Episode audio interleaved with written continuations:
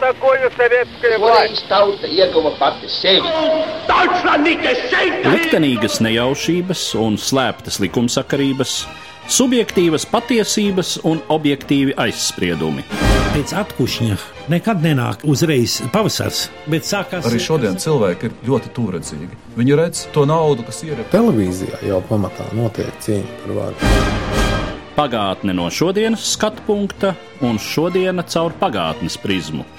Raidījumā šīs dienas acīm. Latvijas radio eterā Eduards Liniņš. Labdien, cienījamie klausītāji! Šodien es piedāvāju jūsu uzmanībai vēl vienu sarunu, kuru novembra sākumā ierakstīju Berlīnē, kur tobrīd tika atzīmēta 25. gada diena kopš Berlīnes mūra krišanas. Profesors Jens Reichs ir mikrobiologs, savulaik prominents Austrumvācijas intelektuālās elites pārstāvis taču nevēlēšanās samierināties ar mākslīgo norobežošanos no rietumu pasaules ne tikai politiskā, bet arī intelektuālā ziņā padarīja viņu par disidentu un tad jau gluži organiski par vienu no Austrumvācijas pārmaiņu kustības līderiem 1989. gadā. Mūsu saruna sākās ar profesora Reiha stāstu par to, kā viņš kļuva par disidentu. The Friday Circle initially is, has been, well, how to tell it?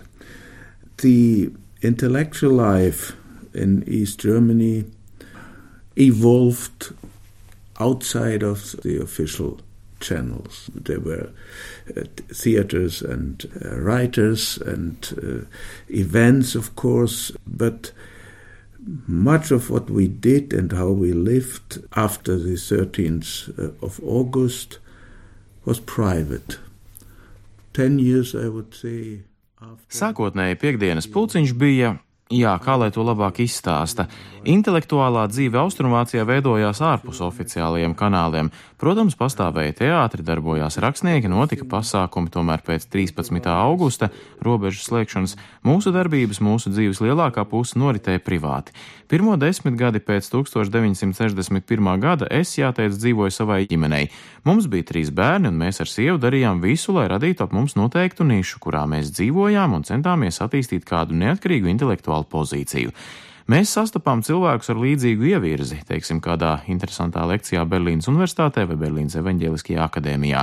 Piemēram, vienu tādu ģimeni, ar kuru mēs iedraudzējāmies 70. gadu sākumā, mēs sastapām Evaņģēliskajā akadēmijā rietumvācu filozofa von Vaidzekera lekcijā.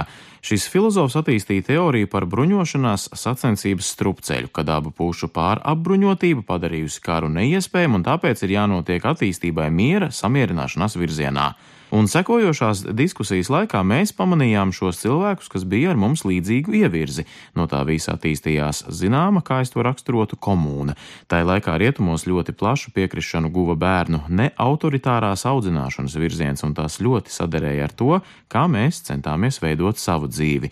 Un tā nu mēs vairākas ģimenes brīvdienas pavadījām nelielā kotedžā, kuru mēs nosaucām par Summerhill, minētās metodas aizsācēja dibinātās skolas vārdā. Šais nedēļas nogalēs bērniem bija ļauta pilnīga vaļa, tā līdzsvarojot darba nedēļu skolā, kur viņiem daudz kas nebija ļauts, bija jārunā oficiāli noteiktais, jāpilda režīma nosacījumi. Mēs, vecāki, visai skaidri likām noprast, ka šie noteikumi ir jāizpilda, bet ka mēs tam visam neticam. Mums ir citas idejas un cita pārliecība. Bērniem tas bija jāapgūst, ka skola, publiskā sfēra ir ar citu dzīvi, valodu, vērtībām nekā mūsu privātā vide un kompensācijai mūsu kotedžā viņi drīkstēja darīt visu, ko vien vēlējās. Mūsu un mūsu draugu bērni 70. auga ar nepārprotamu izjūtu, ka brīvdienās viņiem ir dota brīvība, kuras dēļ viņi ir gatavi pieņemt pārējo dzīvi, kaut kā tajā funkcionēt, izstrādāt attieksmi, kas bija nepieciešama, rakstot sacerēm par kādu politisku tēmatu. Un mēs viņiem mācījām paturēt prātā, ka tās ir tādas oficiālās valodas klišejas. Marksa vai Ļeņina citāti, mēs uz tiem atsaucamies, mēs tos izrakstām, mēs tos mākam un esam gatavi reproducēt, bet mēs zinām, ka mājās tiek runāts citādi, ar daudz daudz kritiskāku attieksmi. Looked, or how Lenin looked at the matters. We refer to it, we write it down, we learn it, we are able to reproduce it uh, in a way, but we know that at home quite other talks are going on, a more critical attitude. It was apolitical in the sense that we did not come out of the of the niche of the cage, as you might call it, in which we were sitting. We did not come out. I think we. Tas bija apolitiski tajā nozīmē, ka mēs to neizpaudām ārpus mūsu nišas, ārpus mūsu krātiņa, arī tā to var nodēvēt. Es domāju, ilgu laiku mēs arī palikām pastāvošās varas nepamanīti. Mums pieaugušajiem savukārt šai piekdienu pulciņā bija sava neoficiālā universitāte. Tur bija dažādu profesiju ļaudis, lielāko tiesu ar augstāko izglītību, taču ne tikai. Bija ārsti, citi medicīnas darbinieki, inženieri. Tur valdīja dzīves skatu punktu daudzveidība, un mēs mācījām cits citu. Mēs mēdzām spriest par jautājumiem, kas bija ārpus mūsu ikdienas dzīves jomas, par filozofiskākām tēmām, par reliģiju, par baznīcu, un, protams, kad bērni bija nolikti gulēt, sākās politiskas diskusijas. Principā mēs visi tur bijām kā putniņi krātiņā, kuri tā arī nekad netiek palidot debesīs. 60. gadu beigās gan tika atļauts braukt uz austrumu bloka valstīm Čehoslovākiju, Poliju, Ungāriju, tad jau kļuva drusku vieglāk elpot, tomēr pamatā jau visa dzīve pagāja nelielajā Vācijas Demokrātiskajā republikā. Bet tā bija dzīve krātiņā, kā reāli, tā arī intelektuāli. Mūsu filozofiskās vai politiskās diskusijas izvērtās piemēram par kādu jaunu, interesantu grāmatu, kuru kādam bija izdevies ievest no Savienotajām valstīm vai Rietumvācijas. Tā varēja būt par holokaustu, par nacistu režīmu vai attiecībā pret vācu sabiedrību tas bija modernizējošs vai gluži otrādi reakcionārs. Kā bija iespējams šajā sabiedrībā, kurā nepārprotam valdīja brutāla diktatūra, tomēr uzturēt tādu tehnoloģijas līmeni, kas ļāva pat izkarot pasaules karu, kāda bija nacistu laika sabiedrības sociālā struktūra un kas no šīs struktūras ir saglabājies iestājies mūsu valstī un salīdzinot Rietumvācijā. Trešā reiha raksturs bija, es teiktu, viens no galvenajiem tematiem, vai arī Pirmā pasaules kara iemesli, vai paralēlis starp mūsu laiku un sadalīto Vāciju pēc Vīnes kongresa laikā starp 1815 un 1848 gadu. Kādas ir kultūrālās paralēles starp abiem laika posmiem, arī toreiz tāpat kā mūsu laikā, Krievija dominēja burtiski tajā pašā centrālās un austrumē Eiropas teritorijā. Bija interesanti papētīt, kā toreiz ritēja dzīve Prūsijā vai kādā citā no Vācijas zemēm, Biedermeijera laikmetā, kad arī bija izplatīta ļoti privāta kultūras dzīve, gluži tāda, kādu piekopām mēs. Protams, arī Krievijas sabiedrības struktūra tais laikos. Puškins, kurš ik pa pāris mēnešiem vai pusgadam tika izsaukts uz sarunām pie grāfa Benkendorfa, tā laika valsts drošības šefa, un Puškina politiskā valoda, kad viņš no vienas puses centās saglabāt savu rakstnieku un augstākās sabiedrības cilvēku statusu, no otras puses būdams dziļā iekšējā opozīcijā tam visam. Un kā tas viss atspoguļojās viņa rakstītajā, tie ir daži piemēri tēmām, kuras mēs ļoti intensīvi apspriedām, un tas viss, protams, veda mūs pie pārliecības, ka mēs dzīvojam dzīvojam laikā, kuram reiz kaut kā ir jābeidzas.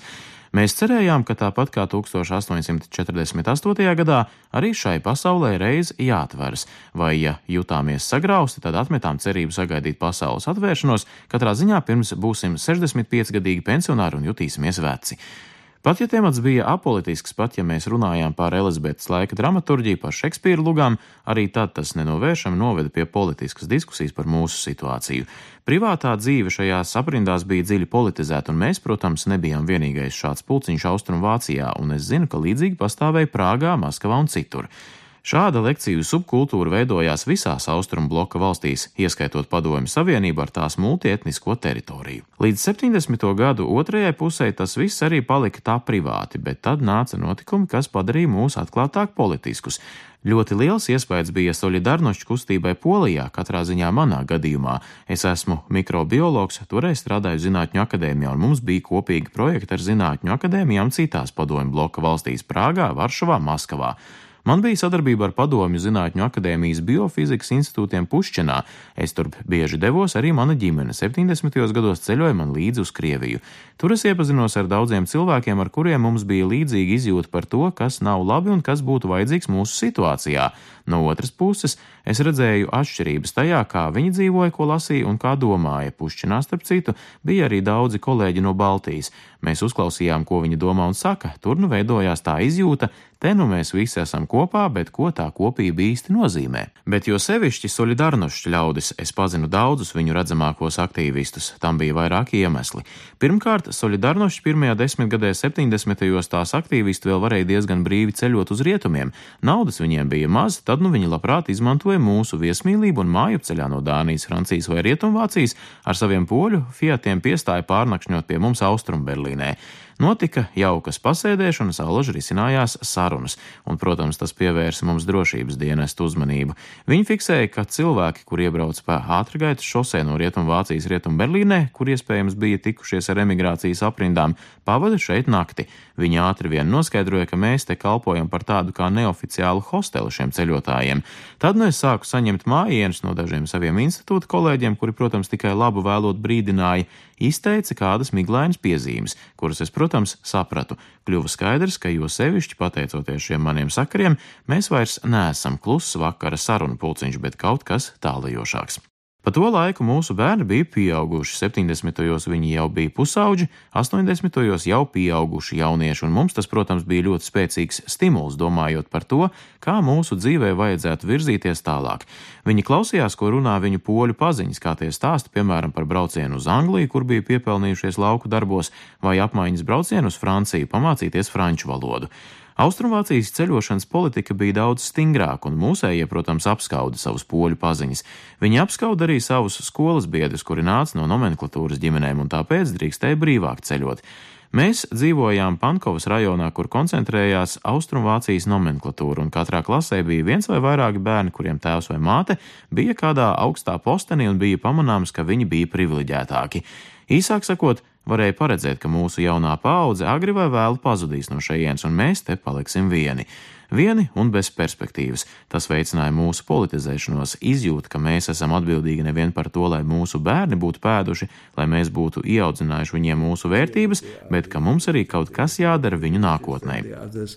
One word, the younger generation developed where we could foresee that they would disappear sooner or later and we remained alone without a perspective. So this has contributed to our politicization, a sort of uh, feeling that we are responsible not just to feed our children uh, and to tell them our values, but to do something.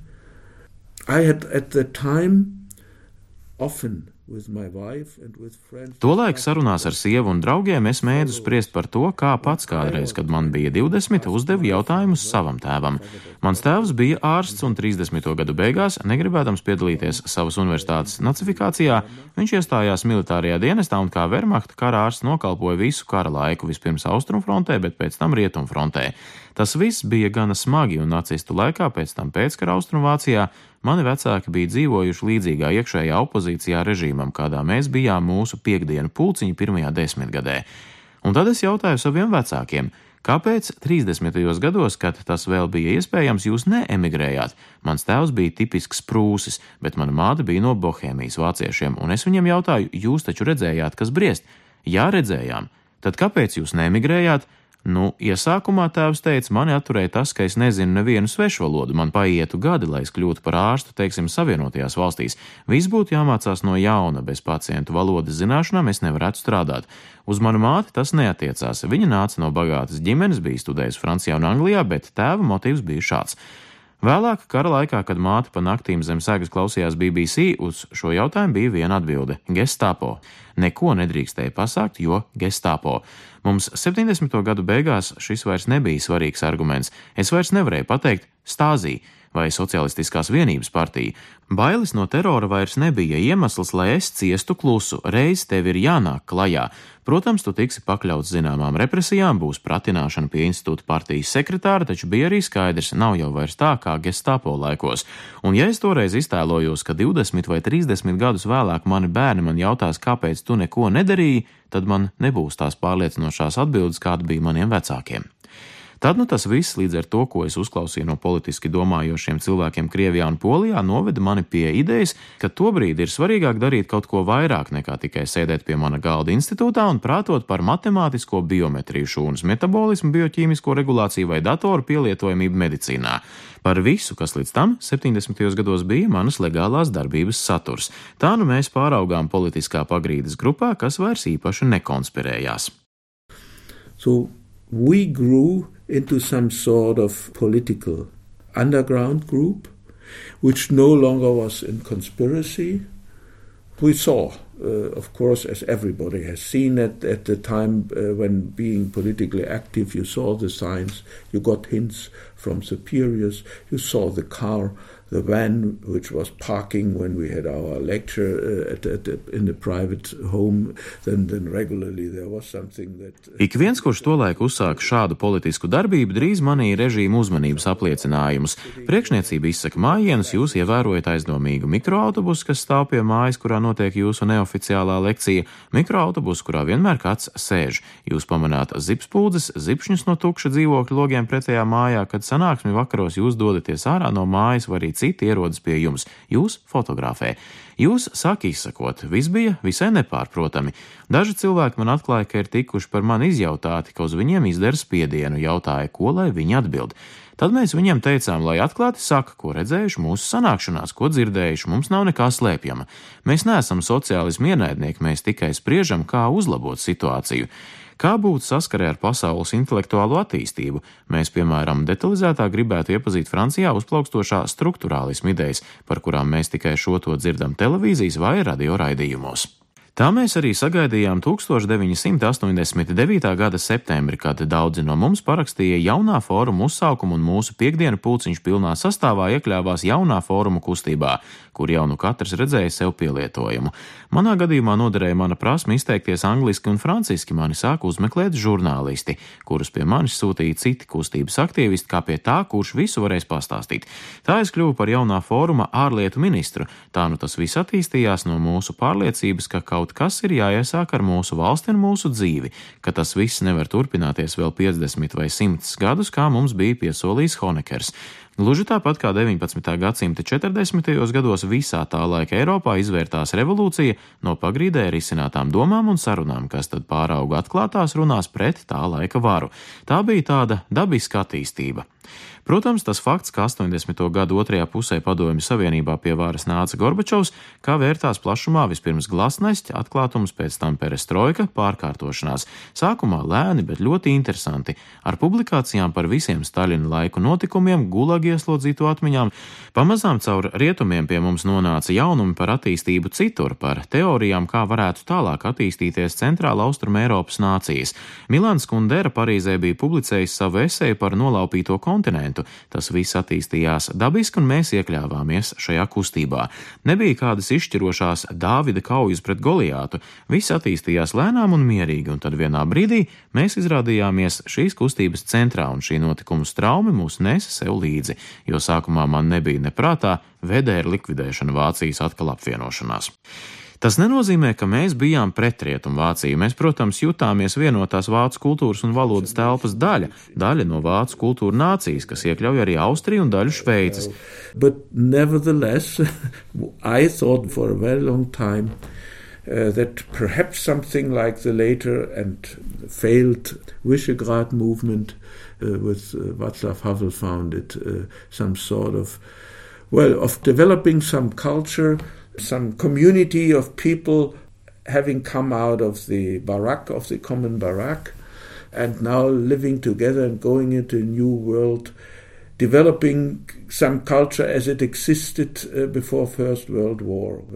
uh. Taču es ilgu laiku uzskatīju, ka varētu attīstīties kaut kas tāds kā Vaclava Havela vēlāk rosinātā, bet tā arī neīstenotā Višegradas kustība, ka varētu veidoties kāda kultūrāla kopība no tiem, kuri bija iznākuši no kopīgās barakas un tagad varētu dzīvot kopā un virzīties uz jaunu pasauli, ka viņi varētu attīstīt ko līdzīgu tai kultūrai, kura pastāvēja pirms Pirmā pasaules kara, aptverot Austriju, Ungāriju, Galīciju, arī Baltiju.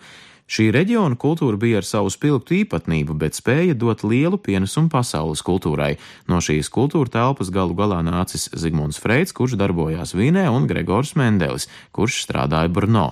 Lai uz kuru jomu jūs neparaudzītos, jūs konstatēsiet, ka šis reģions, kas ietver Centrāla Eiropu un daļu Austrum Eiropas, ir devis ļoti nozīmīgu ieguldījumu. Arī manā jomā bioķīmijā, kura 19. gadsimtā ļoti būtisks pienesums nāca no Rēveles, Tērbatas un Rīgas, no turienes vācu valodīgajām augstskolām. Man bija tāda izjūta, ka mēs varētu kļūt par neatkarīgu jaunās Eiropas daļu, brīvu un vienotu. Tā savulaik bija mana ideja, un es pat par to rakstīju ar pseidonīmu, publicējot rietumos. Es toreiz neparedzēju tādu attīstību, kāda tā vēlāk izrādījās.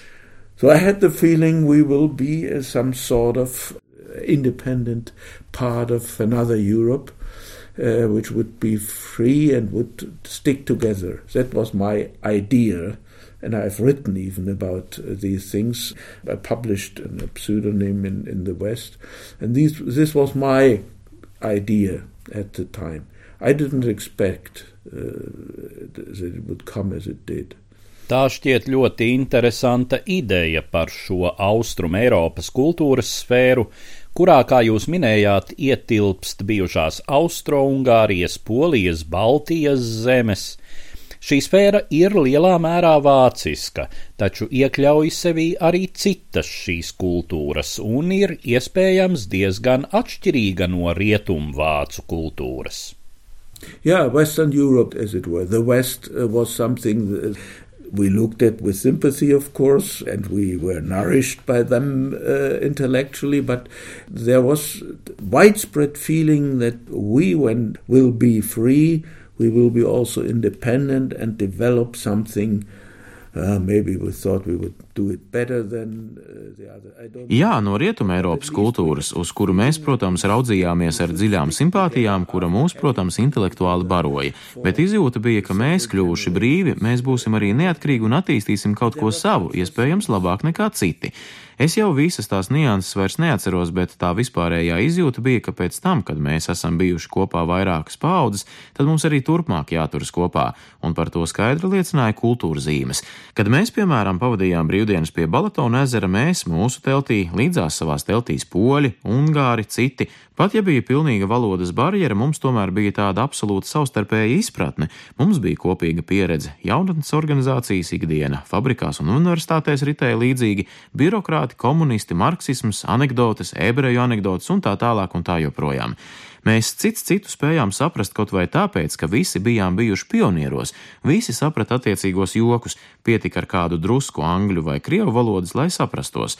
Vismaz divas mūsu paudzes bija dzīvojušas vienā un tai pašā sociālajā konstrukcijā, saskārušās ar vienādām problēmām.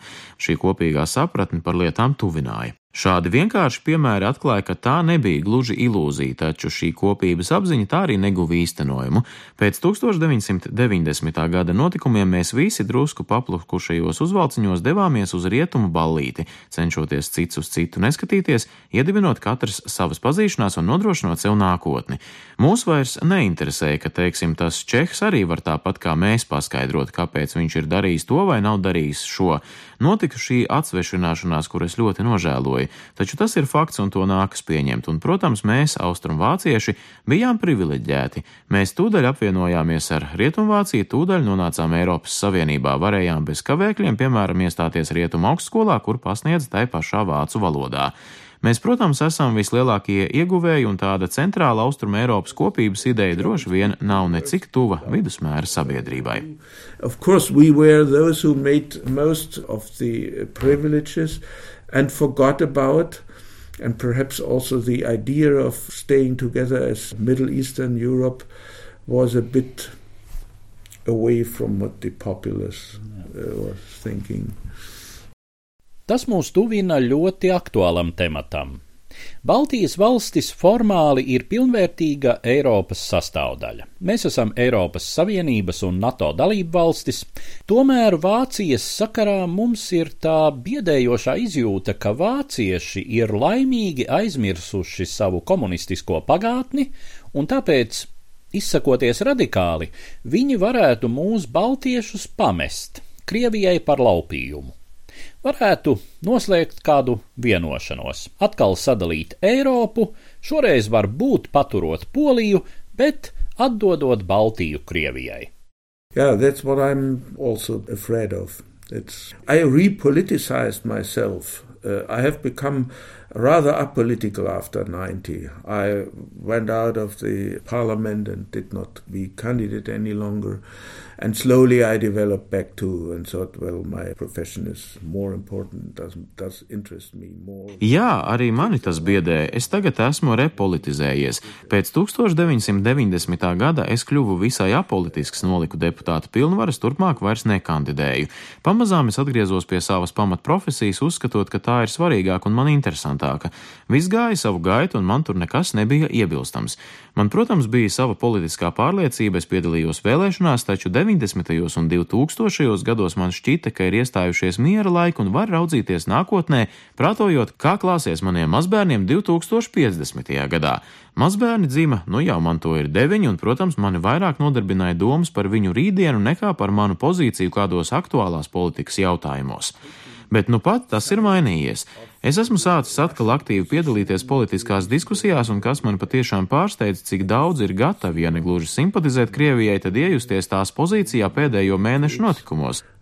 You are really in a minority if you say, for instance, we can discuss everything here with Russia and Ukraine and Poland and the gas deal and all these things, but it is something that cannot be, that cannot be accepted. Uh, that 40 years after the Helsinki uh, CE commitment, parts of countries are simply taken away from one of the uh, nations in, within Europe. Diskutējot ar cilvēkiem, kurus es pazīstu vairākus desmitus gadu, es ar izbrīnu attopos mazākumā, kad saku, piemēram, ka mēs varam diskutēt ar Krieviju, Ukrainu, Poliju par visu ko. Mēs varam diskutēt par gāzes piegādes darījumiem, bet tas ir kaut kas pilnīgi nepieņemams, ka 40 gadus pēc Helsinku konferences Eiropas valstī var tā vienkārši atņemt daļu tās teritorijas. Un tad man atbild, Jā, bet viņi tur runā krieviski. Tā zeme 200 gadus kopš Katrīnas otrās laikiem ir piederējusi Krievijai, un vispār mēs Krieviju esam izprovocējuši ar savu nesaprātīgo, neuzmanīgo, nevērīgo politiku, ka Krievijai esot kādas vēsturiskas vai etniskas tiesības uz šādu rīcību. Tā attieksme ir tāda, ka jā, labi, tas nav, bet mums jau arī bija Kosova, bija Irākas karš. Katram ir savi grēki, runāsim labāk par mūsējiem. Un kādi tad būtu Ukrainas grēki? Jā. What they do they think yeah and and i was asking in such discussions here take the argument that uh, novorossiya was since 1770s russian and is indeed uh, Jā, vienā diskusijā es iebildu argumentam, ka tā sauktā jauna Krievija kopš 18. gadsimta 70. gadiem pieder Krievijai. Tā sauktā ģikaja poļa mežonīgā stepe ir tikusi Krievu kolonizēta. Var jau gan piebilst, ka ne tikai krievi, tur bija arī citi, tā skaitā vācieši un ebreji. Tomēr labi, Odesa ir pārsvarā krieviska pilsēta, tāpat Doņetska, bet ja arguments ir šie 200 gadi Krievijas sastāvā un viņi tur runā krieviski, tad ko par to teiks poļi, cik gadus viņi ir bijuši liela Krievu pakļautībā, kā ir ar Baltijas valstīm, kuras Krievu cara pakļautībā bija pat gadsimtu ilgāk nekā Ukraina un kur arī dzīvo daudz Krievu, un kā galu galā ir ar Somiju, kas arī simts gadus bija Krievijas sastāvā. Tas ir ļoti bīstams signāls, kuru citām valstīm tagad raida Kremlis, un mums, protams, ir jādeklarē, ka tā nedrīkst notikt un jāizstāv tā pozīcija, ka tas ir nepieņemami. No otras puses, skaidrs, nedrīkst pieļaut eskalāciju. Mēs netaisāmies sākt karu, bet cik daudz simpātiju pret Kremļa pozīciju Es mērķiecīgi vairos teikt pret Putinu. Šobrīd notiek zināma Putina mistificēšana, tas ir Kremlis, kas nav visa Krievija. Es esmu dzīvojis šajā valstī un es lieliski pazīstu Krievijas vēsturi un kultūru, un kā cilvēks ar visdziļākajām simpātijām, kuram ir daudz draugu šais valstīs, es saku, tā ir milzu kļūda, ko Kremlis ir pieļāvis atverot šo Pandoras lādi, un tas ir pret Krievijas nācijas patiesajām interesēm atsvešināties no Rietuma Eiropas. Viņiem nav nākotnes, ja tālākā perspektīvā viņi būs šķirti no Eiropas. Es, protams, pazīstu Krievijā daudzus, kuri to saprot, kuri savu smadzeņu dziļumos apzinās, kā attīstās Āzija, kāds supergigants pēc 50 gadiem būs Ķīna un kādas problēmas viņus var sagaidīt tālajos austrumos. Šīs lielās nācijas būtiskākajās interesēs būtu rīkoties pretēji tam, kā šobrīd rīkojas tās bosi, nemaz jau nerunājot par starptautiskajām tiesībām, ECO un to faktu, ka Helsinku principi mums ir nodrošinājuši 40 gadus miera, kas saglabājās arī notikušo grandiozo politisko pārmaiņu laikā. Ja neskaita dažus nelielus izņēmumus, pārmaiņas noritēja bez kara darbības. Es esmu pret šo Kremļa politiku, un vienīgais, ko var teikt par Vācijas politiku kopumā, ir, ka Angela Merkele kaut kā cenšas izlavierēt šajā jēzgā un ceru, ka viņai pietiks morālā spēka, lai slēdzot jebkuru vienošanos, mēs visi paliktu jebkurā nozīmē vienoti un nekad necīts pret citu jo ir skaidrs, ka poļi, zinot savu vēsturi un redzot visu pašreiz notiekošo, nevar gulēt mierīgi. Pat ievērojot to, ka Ukraina ir lielā mērā kleptokrātija, bet tie ukraiņi, kurus es pazīstu personiski, nepārprotami atbalsta savu valdību un tās darbību, sevišķi pret oligarhiem. Protams, visa šī situācija nav viegli risināma, bet pamatprincipi ir jāsaglabā. Tāda ir mana pārliecība, ar kuru es joprojām palieku mazākumā, bet es ceru, ka ilgi man vairs nenāksies palikt mazākumā. Are by no means satisfied with what their nation is doing and their state or their status in, with all these oligarchs and all these things. Of course, it's something that is not easily dealt with. But the basis must be, that's my conviction, although I am in a minority here, I hope I won't, I won't stay for long in a minority here.